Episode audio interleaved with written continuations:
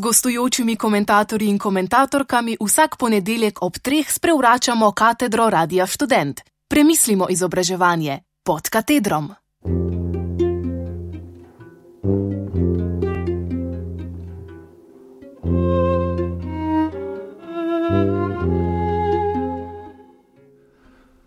Oratorij po AGRFT-ju.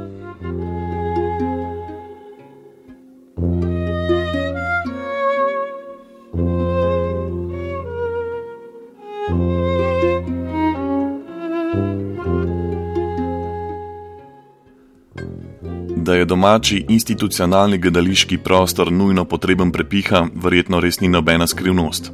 Medtem ko v le dobrih 100 km oddaljeni prestolnici Bratske republike za prihajajočo sezono pogumno napovedujejo čuda novosti, izgleda, kakor da pri nas čakamo le, kdaj bo mali princ trenutno najvplivnejše slovenske gledališke dinastije prevzel ravnateljevanje mladinskemu gledališču, kar bo brž kone the next big thing.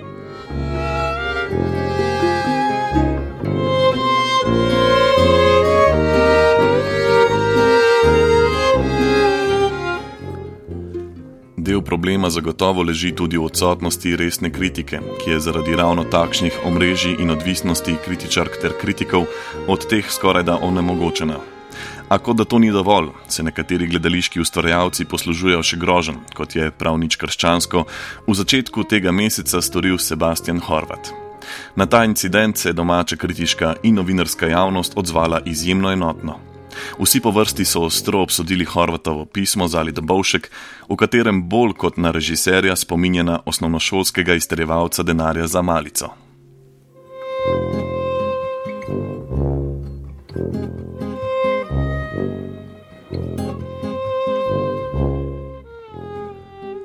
Čeprav bi lahko bil ta primer odličen povod za začetek resne razprave o stanju gledališke kritike v Sloveniji, je razen nekaj prispevkov o takšnih in drugačnih pritiskih razprava zaenkrat potihnila.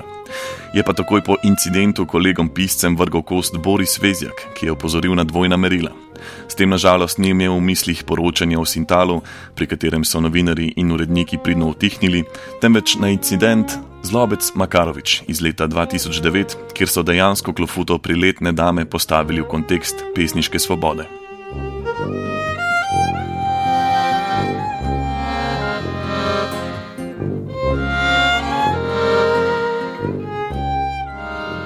A med omenjenima dogodkoma obstaja več razlik, ki bi lahko bile povod za dvojna merila, s tem, da najpomembnejša sploh ni bila omenjena.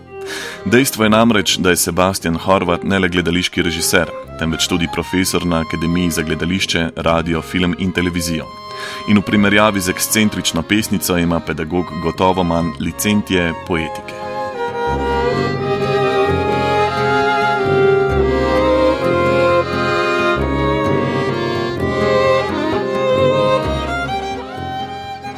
Ravno ta Horvatova druga, spregledana funkcija, je ključna za ob začetku omenjeno zatohlost, saj ne le, da je režiser produkt te vzgoje, temveč jo kot profesor ohranja in prek grozilnih pisem afirmira. Na koncu vse skupaj izpade, kot da celoten sistem izobraževanja na akademiji temelji na ustvarjanju nekakšne sekte in absolutne pripadnosti, kjer v delu kolega, vsaj javno, ne dvomiš, sploh če je le ta tvoj profesor.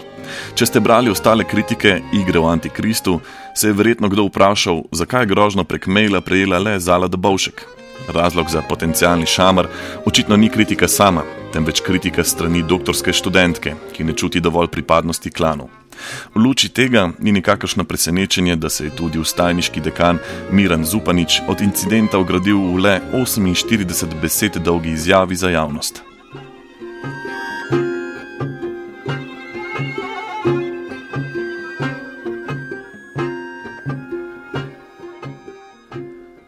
glede na to, da že v predstavi ni varno pisati negativno, se na polje kritiziranja pedagoškega dela sploh ne bomo spuščali. Problem je tu seveda širši od Sebastiana Horvata in Agrafata, a na akademiji ter v gledališkem prostoru ravno zaradi majhnosti pride bolj do izraza. Vsekakor pa bi veljalo razmisliti, v katero smer potekata vzgoja in izobraževanje na tako elitni inštituciji. Če že ne zaradi psihofizičnega stanja vseh upletenih, pa vsaj za voljo kvalitetnejše gledališke produkcije.